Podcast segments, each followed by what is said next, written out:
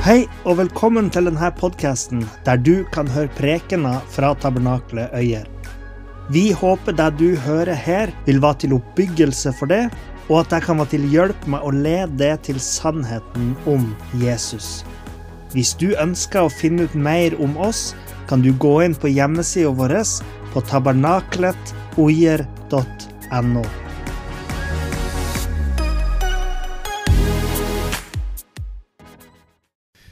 Ja, god kveld, alle sammen. Takk for uh, invitasjon. Uh, jeg fikk en uh, melding på morgenen i dag. En litt forsinket gratulasjon. Jeg var, hadde bursdag i går, og da var det en påminnelse om at det var 45 år siden i går siden jeg kom til Øyer som fastpredikant. Det var på bursdagen min, jeg husker det veldig godt. Eh, Torbjørn eh, Gjestvang fra Årnes kjørte fløtalasset på en lastebil med høye karmer, kort plan, men det som ikke gikk i lengden, gikk på høyden. Og det var så høyt at når vi skulle lesse inn de første tingene fra den lastebilen her, så tok vi det rett inn på verandaen i annen etasje. Det var første delen av fløtelasset, gikk rett inn uten å gå trappa. Så når vi kjørte etter den lastebilen oppover Gudbrandsdalen, så tenkte vi kommer den under disse bruene. Det var bare så vidt at madrassene smatt under, men vi kom fram. Det var starten på min tid her i Øyer. 45 år siden. Gode min tid. Og når jeg ser på dere nå som var ungdommer den gangen, så må jeg jo selvfølgelig bare innrømme at det er nok minst 45 år siden. Da fikk dere den. Ehm, det var eh, vel to rike år. Jeg var jo her fra 25.9. til jeg flytta til Trondheim i oktober to år etterpå. Da var menighetens lokale nylig solgt. Det var gravd opp et svært høl her. Det sto en bulldoseren til en eh, Per Ensby sto her, en gammel sak. Og eh, byggearbeidet og menighetsarbeidet, både praktisk og åndelig, sto foran meg i kø. Og så kom jeg hit og visste ikke hva jeg skulle gjøre. For jeg hadde aldri vært uh, verken forkynner på heltid eller menighetsleder eller hva du ville kalle meg. Jeg var jo nesten alt som var, men det visste jeg ingenting om. Og når jeg sier det jeg sier nå, så ikke misforstå, men det var godt at du ikke visste hva du gikk inn i den gangen, for da hadde du aldri gått inn i det. Men jeg har hatt et rikt og godt liv, og ikke minst den tida jeg var her i Øyer. Eh, fantastiske folk. Det var, det var, eh, en rik tid for meg, en fin start. Så er det slik at eh, når jeg kommer hit i kveld, så er det at gjennom de åra jeg har vært forkynner nå, siden jeg starta som fritidspredikant i 1971 Det begynner å bli noen år siden. Da hadde jeg mine første møter. Jeg husker godt når jeg kom til Enebakk, på ei bjørk. Der sto det en plakat. Kveldens møte klokken det og det. Jon Martin Øverby taler. Det var første gangen jeg så at det noen gang hadde stått at jeg skulle tale i et møte. Det hadde jeg aldri gjort før. jeg husker veldig godt.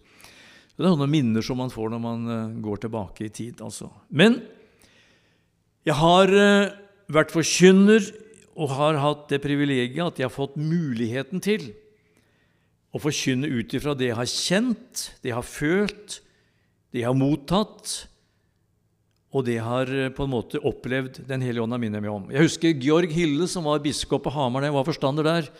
Han sa på et avskjedsmøte i predikantringen før han slutta av som biskop og gikk inn i pensjonistens rekke, så står han i stua mi i, i Vognveien.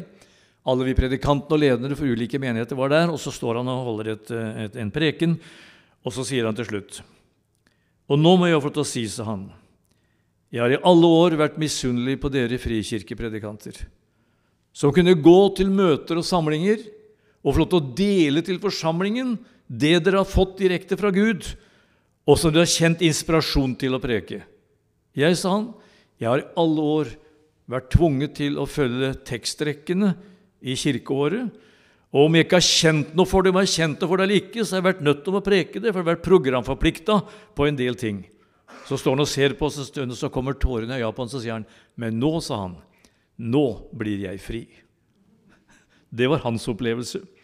Han følte at han lå under noe. Han hadde en fin tjeneste, men følte det var noe han lå under for, som han nå kjente var frihet. De sier at Georg Hille var på den siste tida, når han fikk lov til å preke etter han slutta som, som biskop, så var han mer fri og, og fylt av liv enn noen gang før.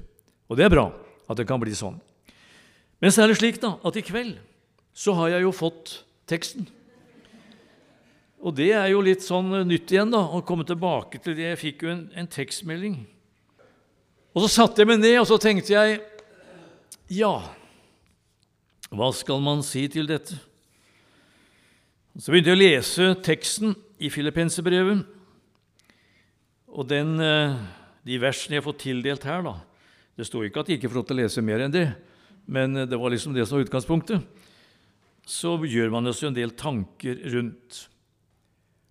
Og så tenker jeg da som headingen da forkynnelsen av eller om Jesus, forkynnelsen om Kristus. Hva har det å si til oss? Men la oss be først. Takk, Jesus, for at du er min, og jeg er din. Og vi alle som er her, som har kommet til tro på deg, tilhører deg. Takk for det fellesskapet og den eh, kontakten og det livet som vi har fått gjennom tro.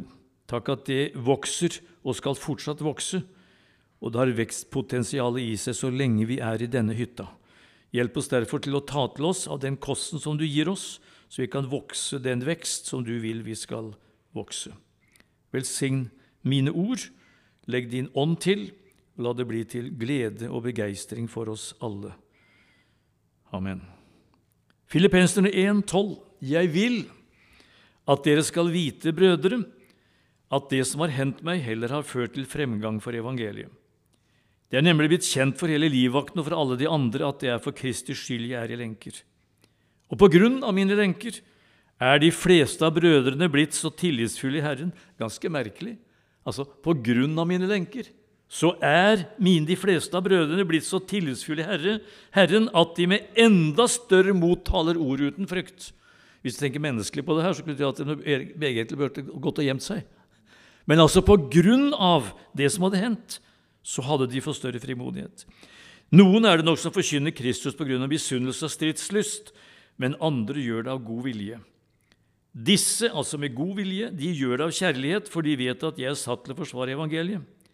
De andre, altså de som er forkynt av misunnelse eller stridslyst, de gjør det forkynner Kristus av ærgjerrighet, ikke med rent sinn, men med den tanken å føye trengsel til mine lenker. Man kunne jo tro at akkurat det han sier der, det skulle vært en veldig negativ påstand.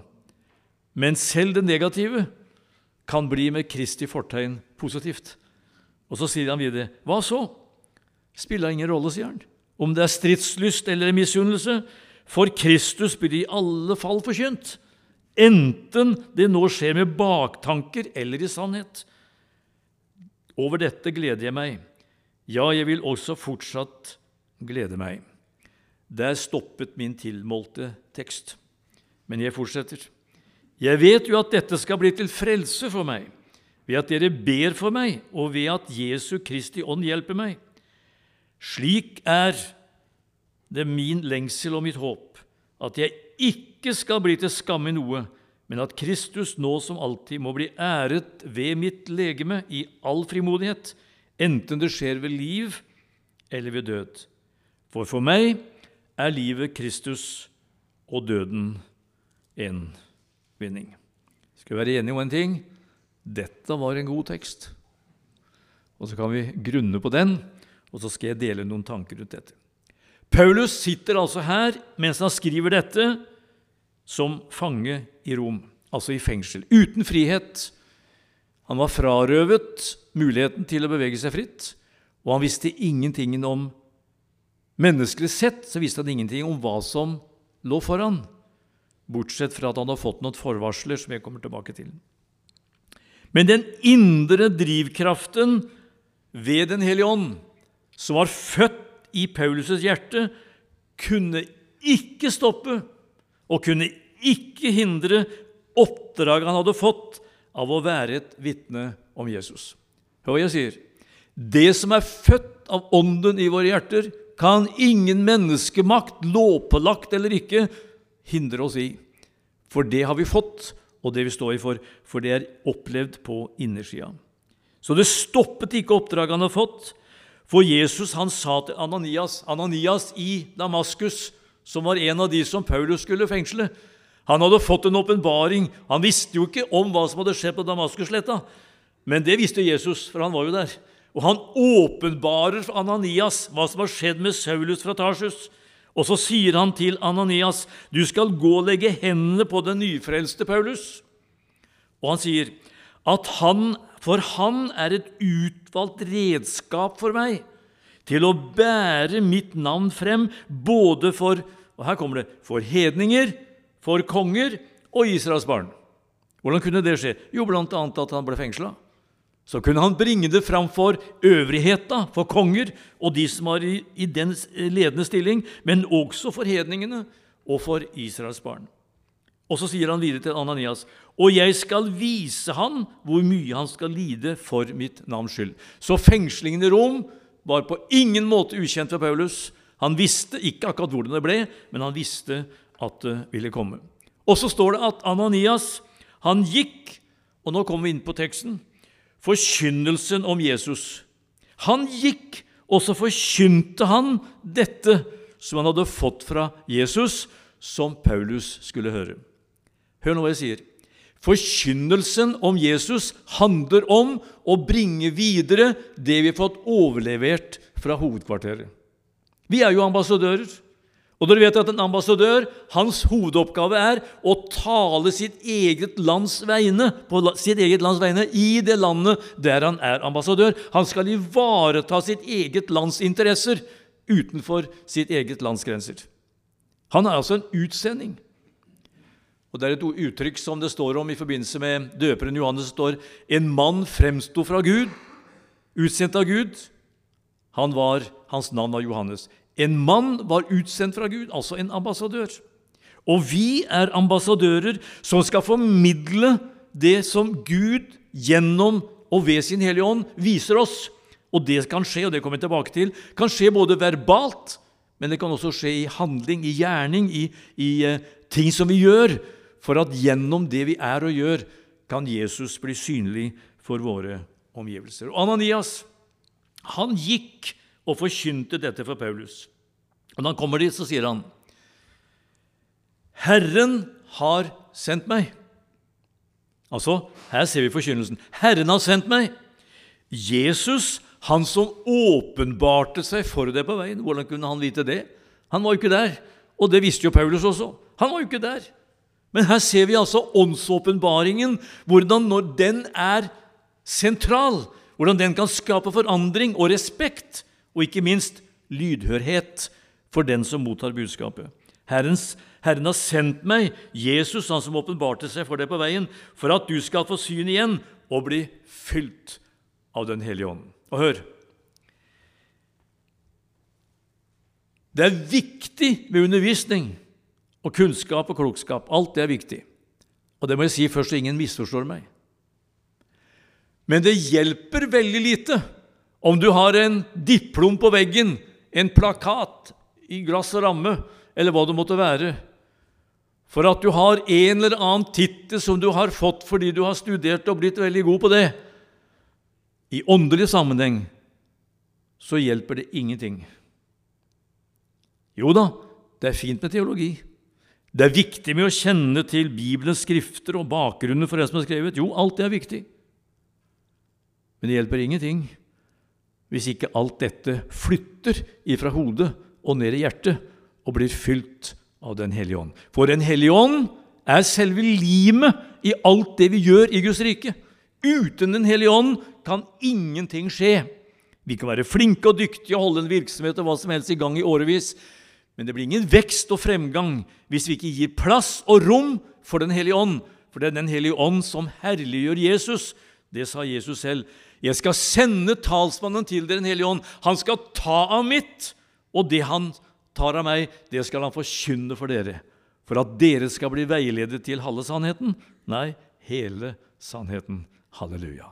Den hellige ånd er den som forklarer Skriftene, åpenbarer det Jesus har for oss, og gjennom Helligåndens oppdrag og gjerninger i våre liv kan vi få lys til å se hva Gud vil med oss og for oss. Så forkynnelsen fra om Jesus skaper tro og mot i tilhørernes hjerter. Derfor ser vi i teksten her at Paulus han var overbevist om at når Jesus ble forkynt, så ville det skape forandring, uansett hva motivet var. Eh, du vet at Paulus opplevde en del motstand, og det vil de fleste som står for Guds rike og for, for Jesus Kristus oppleve, men, men, han lot seg ikke affektere av det. Om det var noen som var misunnelig på han, og noen som ønsket den vondt, det spilte ingen rolle. Når dem forkynte Kristus, så var det evangeliet i seg selv som hadde kraften, ikke motivet, ikke det som lå bak, en feil ånd. Det var ikke det det handlet om, men ordet i seg selv. Og jeg har noen bevis på det. Jeg hadde en som eh, hadde vært frelst i mange år, hadde en destruktiv bakgrunn når han kom til å tro på Jesus. Men så hadde han falt tilbake i det gamle livet. Men det han hadde fått i det nye livet, det ble ikke borte. Det lå der. Og Han kunne sitte på puben med ei flaske og han kunne drikke, og samtidig så vitna han for sine svirekamerater om hvem Jesus er. Og Det høres jo veldig rart ut for oss. Men det underlige var at hans vitnesbyrd der hvor han drakk, det vitnesbyrdet følte til andres frelse. Er ikke det merkelig? Så var det ikke rett ånd, det var ikke rett plass, det var ikke rett motiv, men han pekte på hvem Jesus var fordi han hadde opplevd han. Selv om han ikke nå hadde han som herre i sitt liv, så hadde altså forkynnelsen om Jesus en effekt som gjorde at noen av hans firebrødre kom til tro på Jesus Kristus. Jeg kjenner den mannen. Nå er han frelst og kommet tilbake til Jesus. Men vi har snakka mye om det der. Hvordan kunne det egentlig skje? Så sa han det var ikke meg, sa han. Men det var det jeg hadde fått av Jesus i meg, som gjorde at jeg kunne forkynne og vitne om Jesus. Det er ikke å anbefale å gjøre sånn. Det er ikke det jeg sier nå. Husk på det. Men det bare sier det kan skje, fordi at forkynnelsen om Jesus har slik kraft i seg at det kan skape forandring uansett. Eh, jeg husker For eh, noen år siden så var det en menighet som ringte meg og lurte på om jeg kunne komme og ha en møtehelg. Jeg fikk ikke noe tema, jeg fikk ikke noe tekst heller, men ville ha en møtehelg også har jo vært slik at jeg har tenkt at det kan jo være greit å spørre den menigheten jeg kommer til, hva de, hva de, hva de ønsker. Altså, jeg vet jo ikke hvor menighetene står. Det er så forskjellig. ikke sant? Så tenkte jeg, Hvor er de hen? Hva trenger de nå? Og Hvis det er noe jeg kan være med å dekke, så prøver jeg det. Og hvis ikke, så får jeg ikke gjort det. Jeg har jo mulighet til å si jeg kan ikke komme, for da får jeg kalle på dere en annen som har den siden der. Og Da sier han, altså, men hva ønsker dere at jeg skal formidle? Og Da svarte han Si noe godt om Jesus, du, sa han. det var hele greia. Si noe godt om Jesus, du, sa han. Og det har jeg tenkt på også i denne settingen her. tenkte jeg at Ja, si noe godt om Jesus. Det er jo det det egentlig handler om. Og når man skal si noe godt om Jesus, så behøver man ikke ha lange teologiske utlegninger, men man kan egentlig bare fortelle hva Jesus har gjort for meg, hva Jesus har gjort for deg. Og når du vitner og formidler det som er din erfaring av et liv med Jesus, så har du nok å ta av, så andre kan bli begeistra og forstå at Jesus, han er virkelig Herre. Det er en ganske enkel regel. Så behøver man ikke stå på en plattform. Og man behøver ikke være veldig superfrimodig heller. Men man kan få lov til bare å fortelle om det han har gjort for meg, gjennom både dager som har vært lyse, og dager som har vært mørke. Dager der jeg har kjent meg oppe, og dager der hvor jeg har kjent meg nede. Så er det slik at etter hvert som åra går, så blir du mer Hva skal jeg si Man lytter på en annen måte enn når man var yngre. Og så tenker man på en annen måte enn når man var yngre. Og resonnerer på en annen måte enn yngre. Hvorfor det? Jo, fordi man har en erfaring. Jeg kan, ikke, jeg kan ikke si at Jeg har jo sagt til ungene mine Nå sitter jo en av sønnene mine her. Jeg vet ikke om han hørte det. det var vel, det var vel han, han, kom jo ni år etter de andre, så han er jo liksom sånn, sånn etterpå. Så han har, fått, han har, ikke fått, med seg alt. Hva sa du? Nei, du hørte ikke etter, nei. nei det har vi forstått. Uh, nei da, jeg mener ikke det. Men så sa jeg til ungene mine en gang da jeg slutta altså forstander, så sa jeg da at hvis dere merker på meg at jeg begynner å sige lenger og lenger må ikke dere ta det som negativt, som sitter bakerst, altså. Men jeg begynner å sige lenger og lenger bakover i lokalet, og til slutt så havner jeg på siste benk i forsamlingen. og sitter der kritisk til det meste og får den der saken og sier at 'det var bedre før enn nå', da sa jeg til dem 'spark meg på leggen og vekk meg', eller så kan dere få be den bønna 'Herren, hent, hent den hjem', for sånn ønsker ikke jeg å bli. Det er ikke dermed sagt at jeg syns alt er greit, men jeg tenker uansett om ikke jeg forstår alt, hvis det fører til noen menneskers frelse, så skal jeg heie på dem.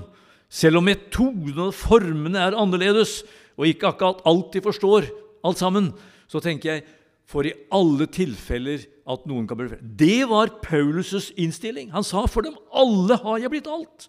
Han sier 'for hedninger er jeg som en hedning, selv om jeg ikke er hedning' for jøder som en jøde.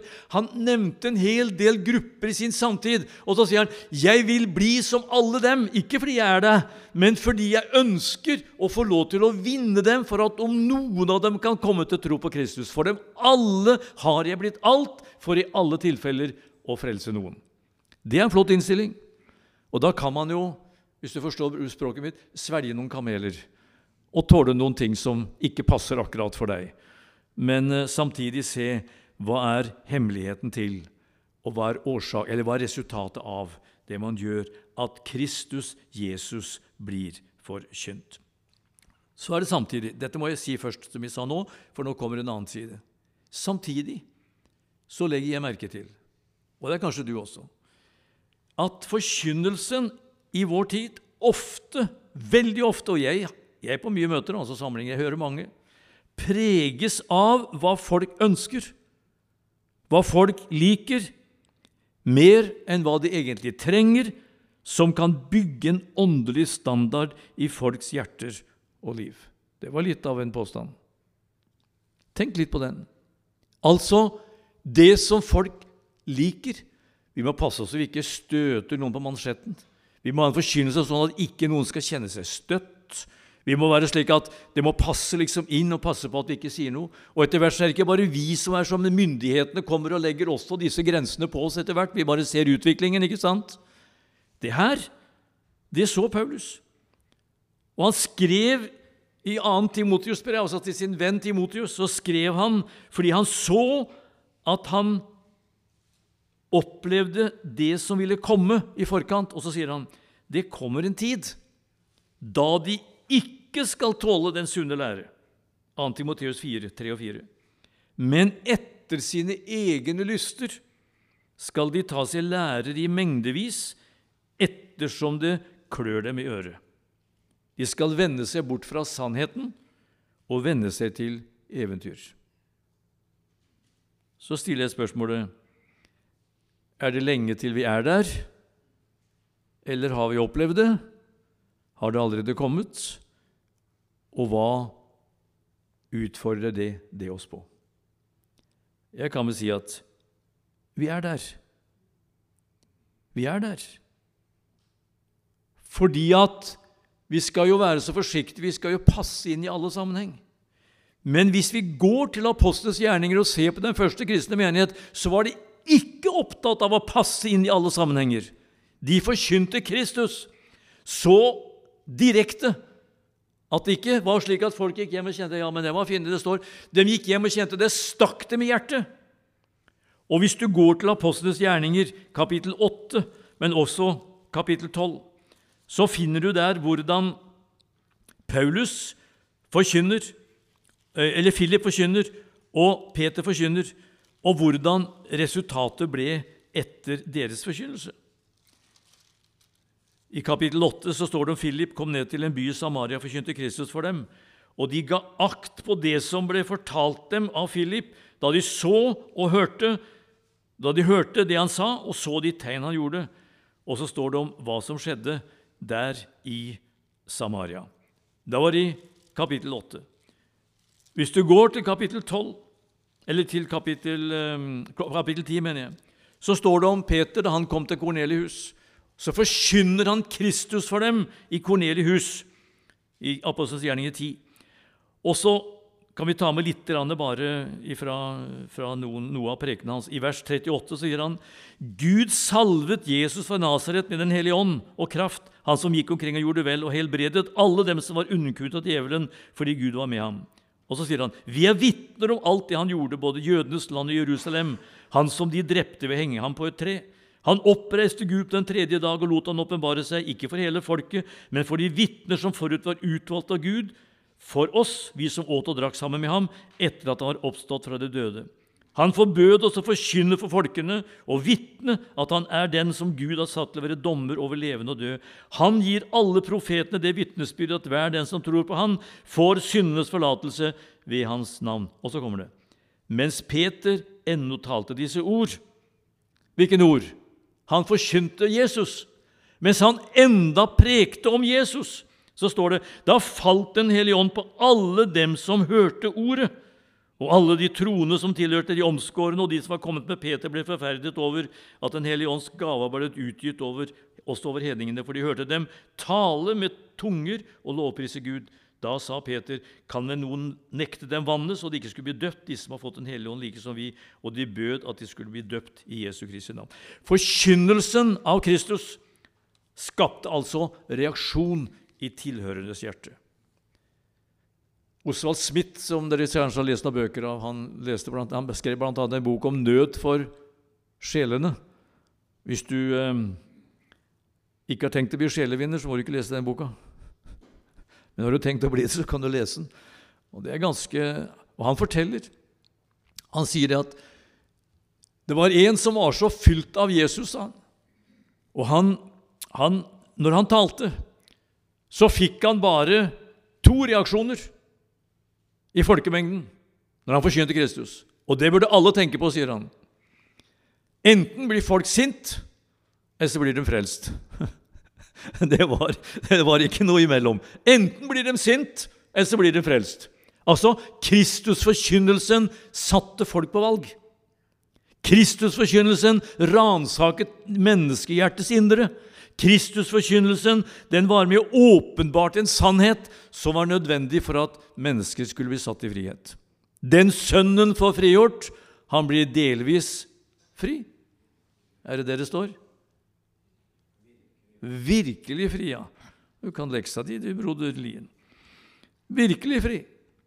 Den Kristus får frigjort, han blir virkelig fri. Altså Kristusforkynnelsen som medisin og behandling for dette som Paulus taler om her, at de tar seg lærer i hopetall, det er forkynnelsen om Kristus. Hvem han er, hva han gjør, og hvilke resultater han gir i menneskers liv. Og så bare ta en sånn liten sånn rekkefølge, eller en liten sånn eh, samling. Hvem er han, og hva gjør han? Jo, han er Guds enbårne sønn. Han er den eneste som kan gi mennesker evig liv. Han er veien, han er sannheten og livet. Alle som tar imot han, får rett til å være Guds barn, de som tror på hans navn. Han sendte sin hellige ånd, som skulle være hos oss bestandig. Han utfrir, han helbreder, han oppmuntrer, han styrker. Det er resultater av Kristus forkynnelse. Jeg har vært på mange møter. Og Jeg har hørt mange temaer og mange utleggelser av ting, men jeg må få lov å si at det er når Kristus er sentrum i forkynnelsen, det er da jeg kjenner at jeg går hjem med et hjerte fylt av glede. Jeg kan komme sorgfullt til møte, men jeg kan gå glad hjem. Jeg kan komme nedtrykt til møte, men jeg kan gå hjem og være oppreist. Hvorfor? Fordi forkynnelsen om Kristus har nådd inn i mitt indre. Fordi forkynnelsen av Kristus er redning for den fortapte, styrker den svake, trøster den sørgende, oppmuntring til den nedbøyde, retning til den villfarne, mot til den motløse, tro til den vantro. Forkynnelsen om Jesus er derfor det viktigste fordi troen kommer av forkynnelsen. Og forkynnelsen har sitt feste i Kristi ord. Og Kristi ord og Jesus er identisk med hverandre. I begynnelsen var Ordet, Ordet var hos Gud, og Ordet var Gud. Og så forteller han om den personifiserte Kristus som kom. Han var Guds eget ord. Forkynnelsen av og om Jesus skjer både verbalt, skriftlig, men også praktisk. Det går hånd i hånd. Derfor er det at Paulus skriver i Korinterbrevet 2, 2. Korinterbrev 5 ja, og 9 vi setter vår ære i, enten vi er borte eller hjemme, å forkynne Kristus og vinne mennesker. Det er ikke noe sånn søndagsopplegg. Søndagskveld på tabernakelet. Da er vi Kristus-fokusert. Men på mandag så er vi materielt fokusert. Ja, ja, ta vare på materielle goder. Det er ikke det jeg snakker om. Men du forstår jeg mener. Det er noe som følger oss hele tiden. Søker mulighet efter at Jesus kan bli synlig gjennom vår forkynnelse, enten det er verbalt eller det er en gjerning vi gjør som beviser Guds kjærlighet i våre hjerter. Så tilbake til teksten. Paulus' fengsling vakte oppsikt. Det var nemlig kjent for myndighetene i Rom hvem han var, og hvorfor han hadde blitt fengslet. Det var noe de snakka om på si, på vaktbua. Det var noe de snakket om i vaktteamet. Det var ikke ukjent for dem, og de undret seg over det som hadde skjedd. Og når de troende da så det mot som han fikk og hadde, så fikk altså de, også som vi leste i vers 14, fikk de også større mot til å forkynne Jesus uten frykt. Så det som kunne blitt sett på som en punktum, nå er det over, det ble som et komma, nå starter det. Og så går det videre med fornyet inspirasjon. Jeg har aldri blitt nedslått av å møte menn og kvinner som har vist en troskap mot Jesus, som er fylt av Han, og har deres forkynnelse var preget av hvem Jesus er, hva han gjør, og hva han er mektig til. Jeg har kjent meg oppløfta. Vet du hvorfor? Fordi det er en hemmelighet i Kristusforkynnelsen. Den gir liv, den gir håp, gir tro og gir kraft. Og nå forteller han om ulike beveggrunner som han snakket om her, som, hadde, eh, som noen hadde på sin forkynnelse. Men Paulus lot seg ikke fornærme eller tillate seg private sorger og kjølne ned hans kjærlighetsliv til evangeliet og dets utbredelse. For selv om disse motivene ikke var gode, som jeg sa i sted, så var det ingen feil med forkynnelsen om Jesus. Det var bare den ånd det var forkynt i, men det var ikke noe feil. Det er ikke alle som forstår teologien fullt ut, men det viktigste er hvis bare får skjønt at Jesus er på innersida. Dere har hørt beretningen om han fra evangeliesenteret som var så glad for Jesus og ble frelst. vet du. Han var så begeistra. Og han, sto, han visste ikke, men han ville gjerne vitne om dette, her, og så fikk han mulighet en gang. Så sto han opp i møtet og sa han, 'Jeg er så glad sa han, for at jeg er frelst, og nå skal jeg lese noe herlig for dere.' sa han. Jeg er ikke helt sikker på hvor det står, men jeg tror det står i 5. Mosebok. Det er i hvert fall Paulus som har sagt det. Du skal få en dag i morgen som rein og ubrukt står. Det var litt av en blanding. hva? Så kan du si var det teologisk holdbart? Ja, hvis du begynner å tenke på det. Femte Mosbok står i Bibelen, det er riktig. Det har Paulus han har skrevet mange brever. Og du skal få en dag i morgen som ren utbruksstår. Det er jo sant, for ingen av oss har opplevd morgendagen. Gårsdagen er forbi, morgendagen har ingen sett, men i dag hjelper Herren. ikke sant? Og folk ble begeistra over vitnesbyrdet til evangelisentergutten som var nyfrelst. Det viktigste var han hadde hørt forkynnelsen om Jesus som hadde satt den i frihet. Og så kjente han dette brenner jeg for. Så forkynnelsen om Jesus skaper noe i mottakernes hjerte som blir til hjelp både for den som hører og mottar, men hør, det blir også til hjelp for den som formidler. For når du opplever å formidle noe som blir til forandring i andre menneskers liv, så blir du glad, du også. Da sender du liksom 'Å ja, ja, frelst, ja jeg husker at jeg, jeg vitna for han, altså'. Det var jeg som ga han det første vitnesbyrdet, det første stykket om hvem Jesus er. Og bare Husk på det. altså. Ja, vi ser utvikling, men husk på det. Jeg som starta. Ja, men du kan jo, men det er lov å ha litt sånn følelse på det der. For det å få være med og lede et menneske inn på trosveien, det er det viktigste vi kan være med på. Det er mye annet vi kan gjøre, men det er det viktigste, og det er det du husker mest gjennom livet. Min opplevelse er de stundene hvor jeg ligger på kne sammen med syndere som har bedt om frelse for sitt liv, det er de største og sterkeste opplevelsene for meg. Jeg har mange andre opplevelser som er store og fine, men det er det største, og det er det viktigste. Alt det andre, det kommer med, men det å bringe mennesker til Kristus gjennom forkynnelsen, vitnesbyrdet, og lede dem i frelsesbønnen, det er det viktigste vi kan gjøre. Så står jeg her i tabernakelet i kveld, og så har jeg sikkert fortalt noen av de opplevelsene jeg hadde mens jeg var her. Kanskje ikke alle, mulig at ikke noen hadde hørt denne før, men har du hørt den før, så får du tåle den en gang til. Men jeg hadde ikke vært der mer enn ca. tre måneder. Jeg visste jo ikke hva jeg skulle gjøre. Jeg, jeg kom som fast predikant da som jeg var her. Eh, jeg visste ikke hva det var, for jeg hadde ikke prøvd det før. Jeg måtte finne på hva jeg skulle gjøre, og så begynte jeg å bli kjent med folk. Og jeg har relativt lett for å bli kjent med folk. Jeg er ikke sånn veldig asosial av meg. Noen mener at jeg er oversosial. Og det kan jo være slitsomt, det også, for omgivelsene. Men jeg lærte etter hvert navnene og ansiktene på folk. Og så gikk jeg inn i protokollen, for den hadde jeg tilgang til, så så jeg at det var jo mange flere i protokollen enn de som gikk på møtene. Så tenkte jeg hvor er dem? Så fikk jeg den ideen at jeg skal reise og besøke alle dem som ikke går på møter. Jeg begynte med dem. Så etter ca. tre måneder så tok jeg for meg den lista, og så begynte jeg å reise til forskjellige og besøkte dem etter hvert. En dag jeg satt på kontoret mitt her oppe, akkurat innenfor gangen der, så datt navnet mitt Da hadde jeg vært der ca. tre måneder. Så datt, datt øya mine på et navn. Der står det Sigrid Ensby. Jeg hadde aldri sett Sigrid Ensby. Jeg hadde møtt en Per, sønnen, men Sigrid hadde jeg aldri sett. Bare hørt at det var mora til en Per. Visste ikke hvor jeg bodde hen heller. Så jeg måtte lete meg fram.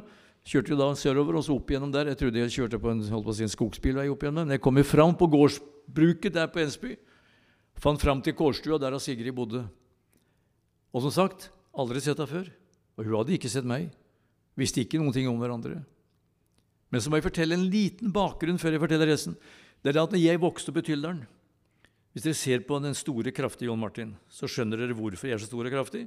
For mora mi har født meg, født meg opp på vafler, jordbærsyltetøy og rømme. Det er godsaker. Robert vet vaflene til farmor i Tyldalen. Det var topp. Så det er bare en liten bakgrunn. Jeg elsket vafler, jordbærsyltetøy og rømme. Så banker jeg på døra til Sigrid, og så går døra opp, og Sigrid hun var jo ikke akkurat sånn sylfide. Hun var ei ganske røslig dame, bondekjerring med noen never så digre, hadde lessa silo og hengt høy og mjølka ku og stått på. Det gikk en liten stund før døra gikk om, men så gikk døra opp, og der sto Sigrid foran meg og fylte hele døråpningen. Første møte med Sigrid Jensby. Nå snakker vi altså om forkynnelsen om Kristus.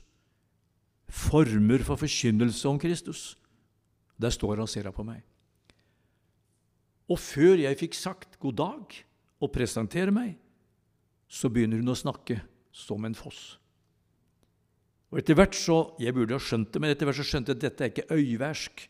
For det kan jo av og til være vanskelig å skjønne øyværingen. Når du møter en innfødt øyværing som bare snakker øyværing, da kan det hende noen utenfra kan spisse øra for å skjønne hva de egentlig snakker om. Etter hvert så skjønte jeg at dama står der og taler i tunger. Med to oppløfta hender talte hun i tunger. Hun har talt i tunger en stund, så begynner hun å profetere. Og så profeterer Sigrid over livet mitt og forteller meg Og hør nå Gud er altså så hva skal jeg si, så klok for å vise at det er han som står bak. At han kan gi innspill i noe som du sjøl vet og får bekreftelse på, i forhold til det som ligger foran, som du ikke vet, men som kan komme. Så Sigrid hun profeterte over livet mitt, fortalte om ting i livet mitt som ingen andre visste. Det var ikke synd, det var ikke sånne ting, men det var tankebygninger, det var kjensler, det var følelser og kampen jeg hadde hatt for å komme dit jeg nå var kommet, og si opp fast jobb i Oslo og begynne å kaste meg ut i evangeliets tjeneste på heltid. Det var noen av det. Alt det der forklarte han meg. Og når jeg var ferdig med det, så begynte jeg å profetere om min framtid. Og det visste jeg jo ingenting om. Men det første åpna sinnet mitt for det hun nå sa, og det la jeg meg på hjertet. Som det står om Maria da hun hørte om forkynnelsen om Jesus, om hans liv, så står det hun bevarte det i sitt hjerte. Og da hun sto ved Jesu Kristi kors, så var hun forberedt på det, for hun hadde hørt noe om det før. Det var forkynnelsen. Så står hun der, og når hun er ferdig med å profetere over livet mitt, så sier hun 'Kom inn, kom inn', sier hun til meg. Så tenkte jeg ja, det er lettere sagt enn gjort. Jeg er liten, men jeg trenger jo litt åpning for å komme gjennom døra. Så sier jeg ja, jeg unnskyld, sier jeg, men um, jeg heter Jon Martin Øverby. ja, ja, ja, sa jeg, veit det. Så jeg har sett bilde av det i bladet, sa og Menighetsbladet var velkomstfesten her med oss som familie. Så hadde sett bilde av oss før, så hun kjente meg igjen. Hun. Men jeg visste ikke hvem hun var. 'Kom inn, kom inn', sier hun. Så kom jeg inn. Og når jeg kommer inn på kjøkkenet til Sigrid, så var det dekka på bordet med to kopper. Og kaffekilen sto og putra. Og så lukta det nystekte vafler. Og på bordet sto det jordbærsyltetøy og rømme. Og jeg var litt forundret og tenkte seg, unnskyld, sa jeg, men jeg kommer vel jubileet. Nei, nei, nei, du kommer ikke jubileet, sa. Bare kom inn. Ja, så sa jeg, men, men du venter besøk. Ja, ja, men bare kom inn, sa jeg. Ja, men så sa jeg, jeg kan komme inn en annen dag, jeg, sa jeg, når det passer bedre. Nei, nei, nei, kom inn, sa jeg. Jeg venter på deg, sa Venter du på meg, sa jeg. Ja, kom inn, sier han. Kom inn. Og så går jeg inn. Og da, hvis dere forstår meg, da kjente jeg respekt, altså. Jeg følte meg ganske liten. Her møter jeg altså ei kvinne jeg aldri har sett før, høyt opp i årene som har levd med Jesus i mange år. Og så skjer disse tingene her. Nesten så jeg følte jeg må ta av meg skoa. Jeg står på hellig grunn. Så ble jeg bedt inn, satt bords. Hun fylte på kaffe, og det var vafler, det var jordbærsyltetøy og rømme. Etter hvert så sier jeg, 'Du, Sigrid', sa jeg. 'Jeg lurte på en ting', sa jeg. 'Det virka som om du visste at jeg skulle komme i dag', sa jeg. 'Hvordan visste du det?' Da så hun på meg. Jeg, altså, jeg, ser enda, jeg ser fjeset på enda igjen. Jeg snakker om det nå. Jeg kan se hele blikket. Alt sammen ser jeg. Jeg ser kjøkkenet, alt sammen sier jeg. Du må lære deg til å snakke med noen om morgenen, så du forstår hva som skal skje i løpet av dagen, sa han. Så så jeg på ham, altså. Du skjønner det, så Her på bruket så har jeg og min herre sa, vi har samtale hver morgen klokka fem. vi sa. Og Da jeg hadde samtale på morgenen i dag, så sa han i dag kommer den nye predikanten på besøk til deg, og da må du sette fram vafler, jordbærsyltetøy og rømme, for det er det beste han veit. Hallo. Da kjente jeg her trenger jeg forbønn. Som vi hadde snakka litt sammen, og jeg kjente tårene kom, så sa jeg, Sigrid, sa jeg, kan du be for meg? Ja, da sa hun Therese, så trekk deg fram en kjøkkenstol uten ryggstø på. En sånn krakk, vet du. Bøy deg her, sa Og jeg gikk ned på kne. Og da kom hun etter med full tyngde og trøkka meg nesten igjennom stolen. Og det rista og det skalv. Men hun ropte til Jesus om velsignelse over livet mitt, og at Herren skulle bevare meg på alle mine veier for det som lå foran meg, som jeg ikke visste noen ting om, men som Herren hadde full kontroll på. På av Sigrid så har jeg vært forberedt. Og dere kjenner livet mitt. Dere vet ikke alt som har gått på skinner. Det er ikke alt som har vært gode dager. Det er ikke alle dager som har vært lette. På mange forskjellige vis, i mange forskjellige settinger. Både personlig og i tjenestemessig sammenheng så har jeg møtt en del ting. Men jeg har hatt et fundament. Jeg har hatt et grunnlag i mitt hjerte, akkurat som Paulus. For det står nemlig om Paulus han kunne fortelle i by efter by vitner dem for meg, Den hellige ånd, at bånd og trengsler venter meg. Han var forberedt på fengslingen i Rom. Han visste ikke hvordan det skulle bli, men han visste det skulle komme. Jeg var i mitt hjerte forberedt gjennom Sigrid Ensbys forkynnelse om Jesus og hans bevarende makt og omsorg for meg.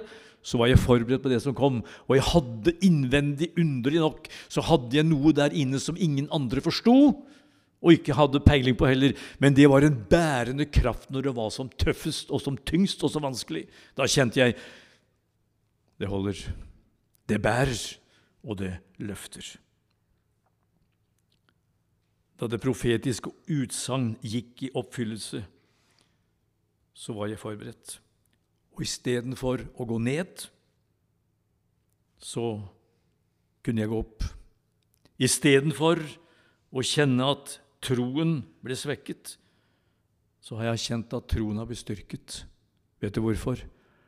Fordi at forkynnelsen om Kristus nådde meg og skapte noe i mitt hjerte som ingen kan ta ifra meg. Skal avslutte snart. Men hør hva jeg sier. Forkynnelsen om Jesus handler ikke først og fremst om kunnskap og veltalenhet. Om diplomer eller bevis for ulike former for eksamener i kirkevekst eller teologi. Nå snakker jeg om i vår setting. Jeg sier ikke at det er feil, men det er ikke fasiten på åndelig vekst og fremgang. Personlig eller som fellesskap. Det er bare forkynnelsen om Jesus som gir vekst. Den hellige ånd er fortsatt limet i den evangeliske forkynnelsen. Ingen kunne si om Ludvig Carlsen at han var veldig sterk teologisk forankret. da han kom til tro. Han hadde et virvelliv bak seg, og ingen trodde at det skulle begynne å greie på han. Ikke engang faren og mora hans trodde at det var håp for Ludvig. Jo, siden de ba for han, men de så ikke for seg at det kunne bli. Og så vet vi hva Gud brukte Ludvig til. Og Han brukte alltid dette kjerneordet som han tok fram hele tida. Så sier han det var ikke med kløktige, uttenkte ord. Det var ikke det fine, det store, det veldige, det flotte som Gud utvalgte seg. Men det som ingenting var, det utvalgte han seg for å gjøre det vise til skamme. Og det følte Ludvig var et så personlig vitnesbyrd, for det var hans erfaring. Men erfaringen var også en dag så nådde forkynnelsen om Jesus inn i hjertet hans. Og i det øyeblikket så skapte det forandring i hans liv og hans hverdag. I 1. Korinterbrev, kapittel 2, kan vi ta med til slutt. 1. Korinterbrev, kapittel 2.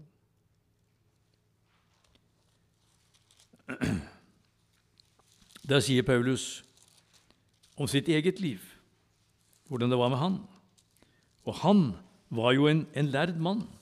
Han var jo oppvokst ved Gamalias føtter, han hadde teologisk utdannelse så det holdt.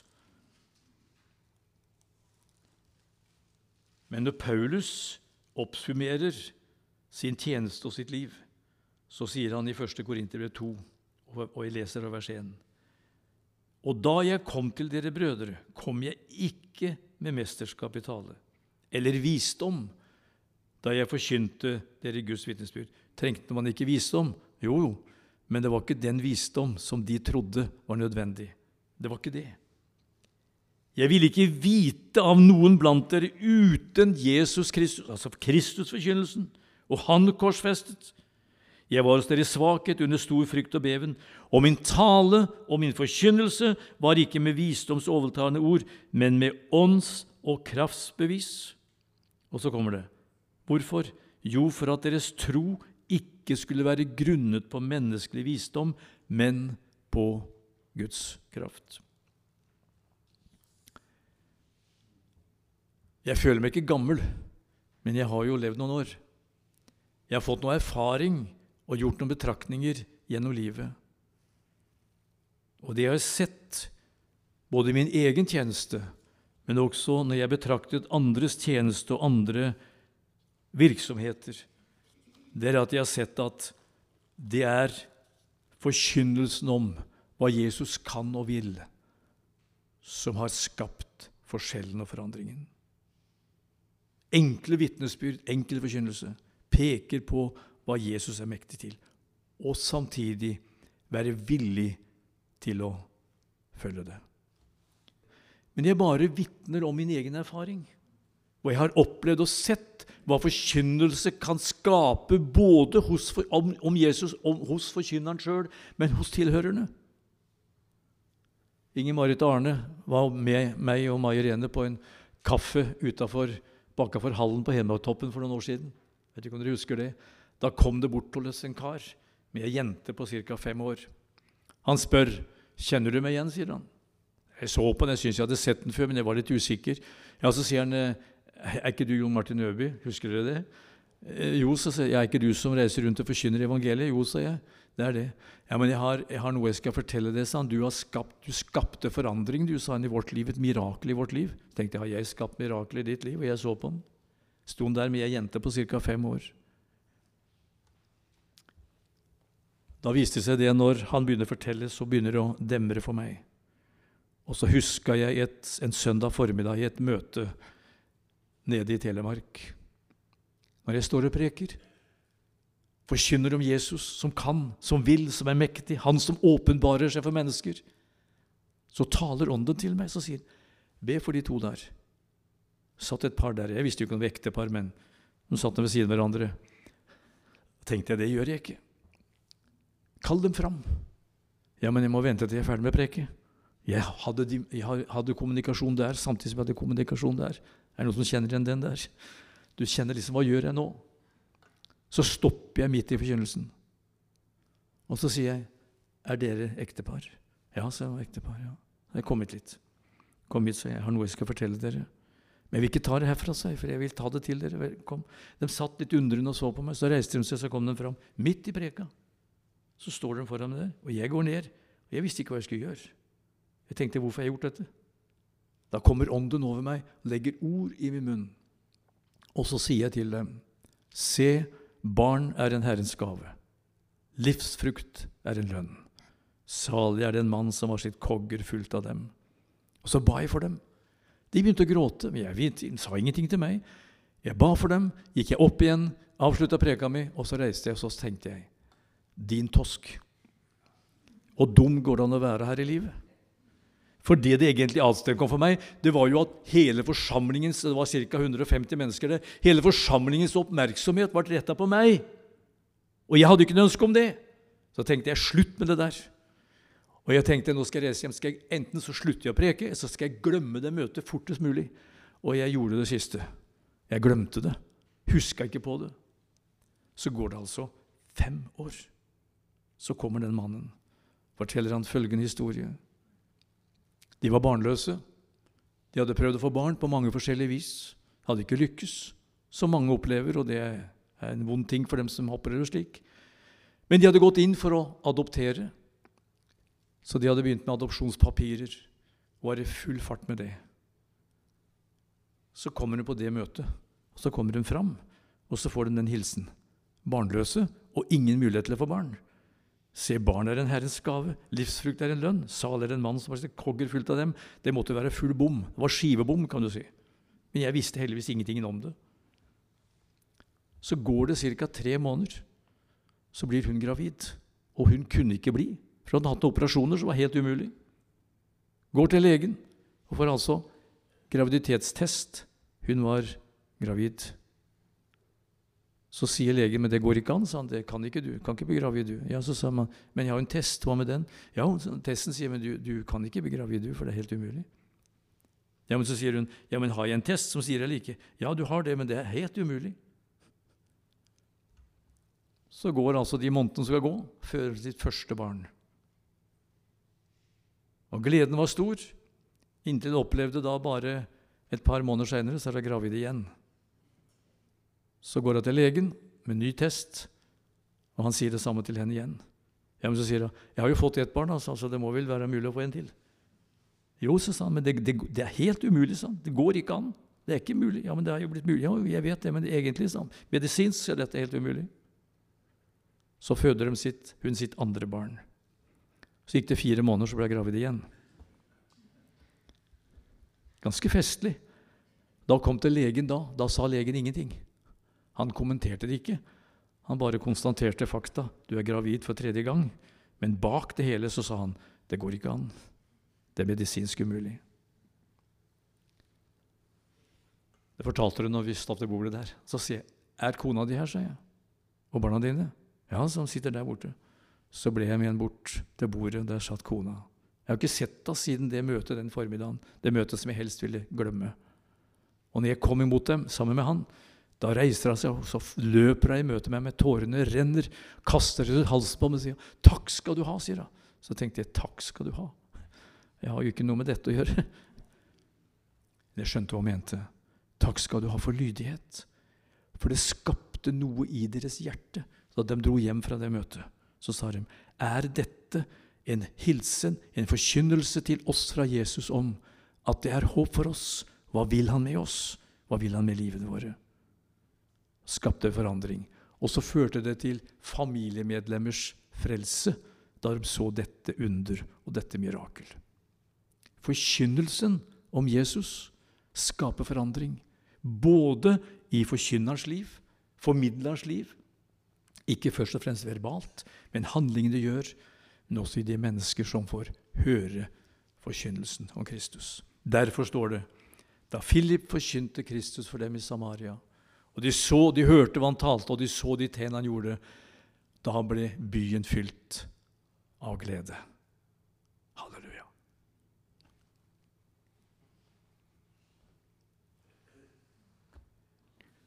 Jeg brukte å synge et kor, husker dere det, dere som kjenner meg? Fader, du gjør det igjen. Du løfter meg opp. Du gir meg nytt mot. Fader, du gjør det igjen. Du styrker meg alltid. Du gir meg nytt mot. Fader, du gjør det igjen. Du gir og du gir og du gir igjen. Du løfter mine dager. Du metter mine dager fra det himmelske lager. Mer enn nok gir du meg. Du gir av din overflod, ja, du er veldig god. Fader, du gjør det igjen.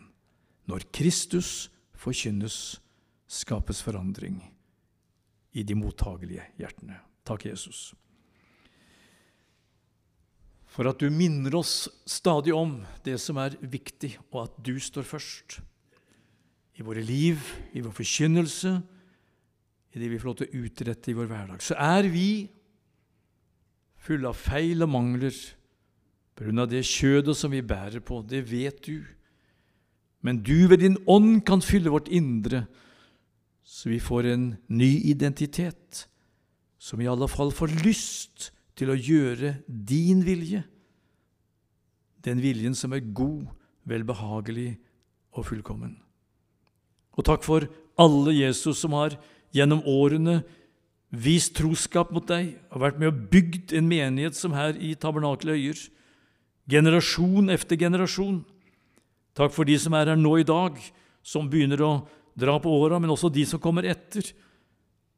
Takk, Jesus, at du skal salve enhver på en slik måte at det er ditt navn som blir stående fremst, og det er ditt navn som blir forkynt først og fremst, til forandring og forvandling for alle dem som kommer til tro på deg. Takk for Sigrid, som du brukte i mitt liv. Takk for hva hennes forkynnelse om deg inn i min livssituasjon har hatt betydning i de ting som jeg har møtt i mitt liv. Og så har du ikke bare én, men du har mange slike. Og Jesus, jeg ber om at vi som er her i kveld, alle sammen må få lov til å være en slik kvinne, en slik mann, som kan være med å skape forandring i andre menneskers liv ved å forkynne deg, enten det er verbalt eller i praktisk handling, så de rundt oss kan få se hvem du i sannhet er. Takk skal du ha. Ber om din velsignelse over alt som skjer i tabernakeløyer. Ber om vekst og fremgang. La bygda her få lov til å få høre enda sterkere og mer om hvem du er, og hva det kan gjøre for å få livsforbindelse med deg.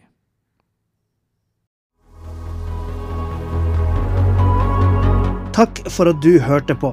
Hvis du tok et steg i tro i dag, eller du har noe du ønsker forbønn for, så vil vi gjerne høre fra det via e-postadressen kontakt alfakrølltabernakletoier.no. Du er òg velkommen til våre ukentlige gudstjenester i menighetslokalet i Haugskutua 5 26 36 Øyer.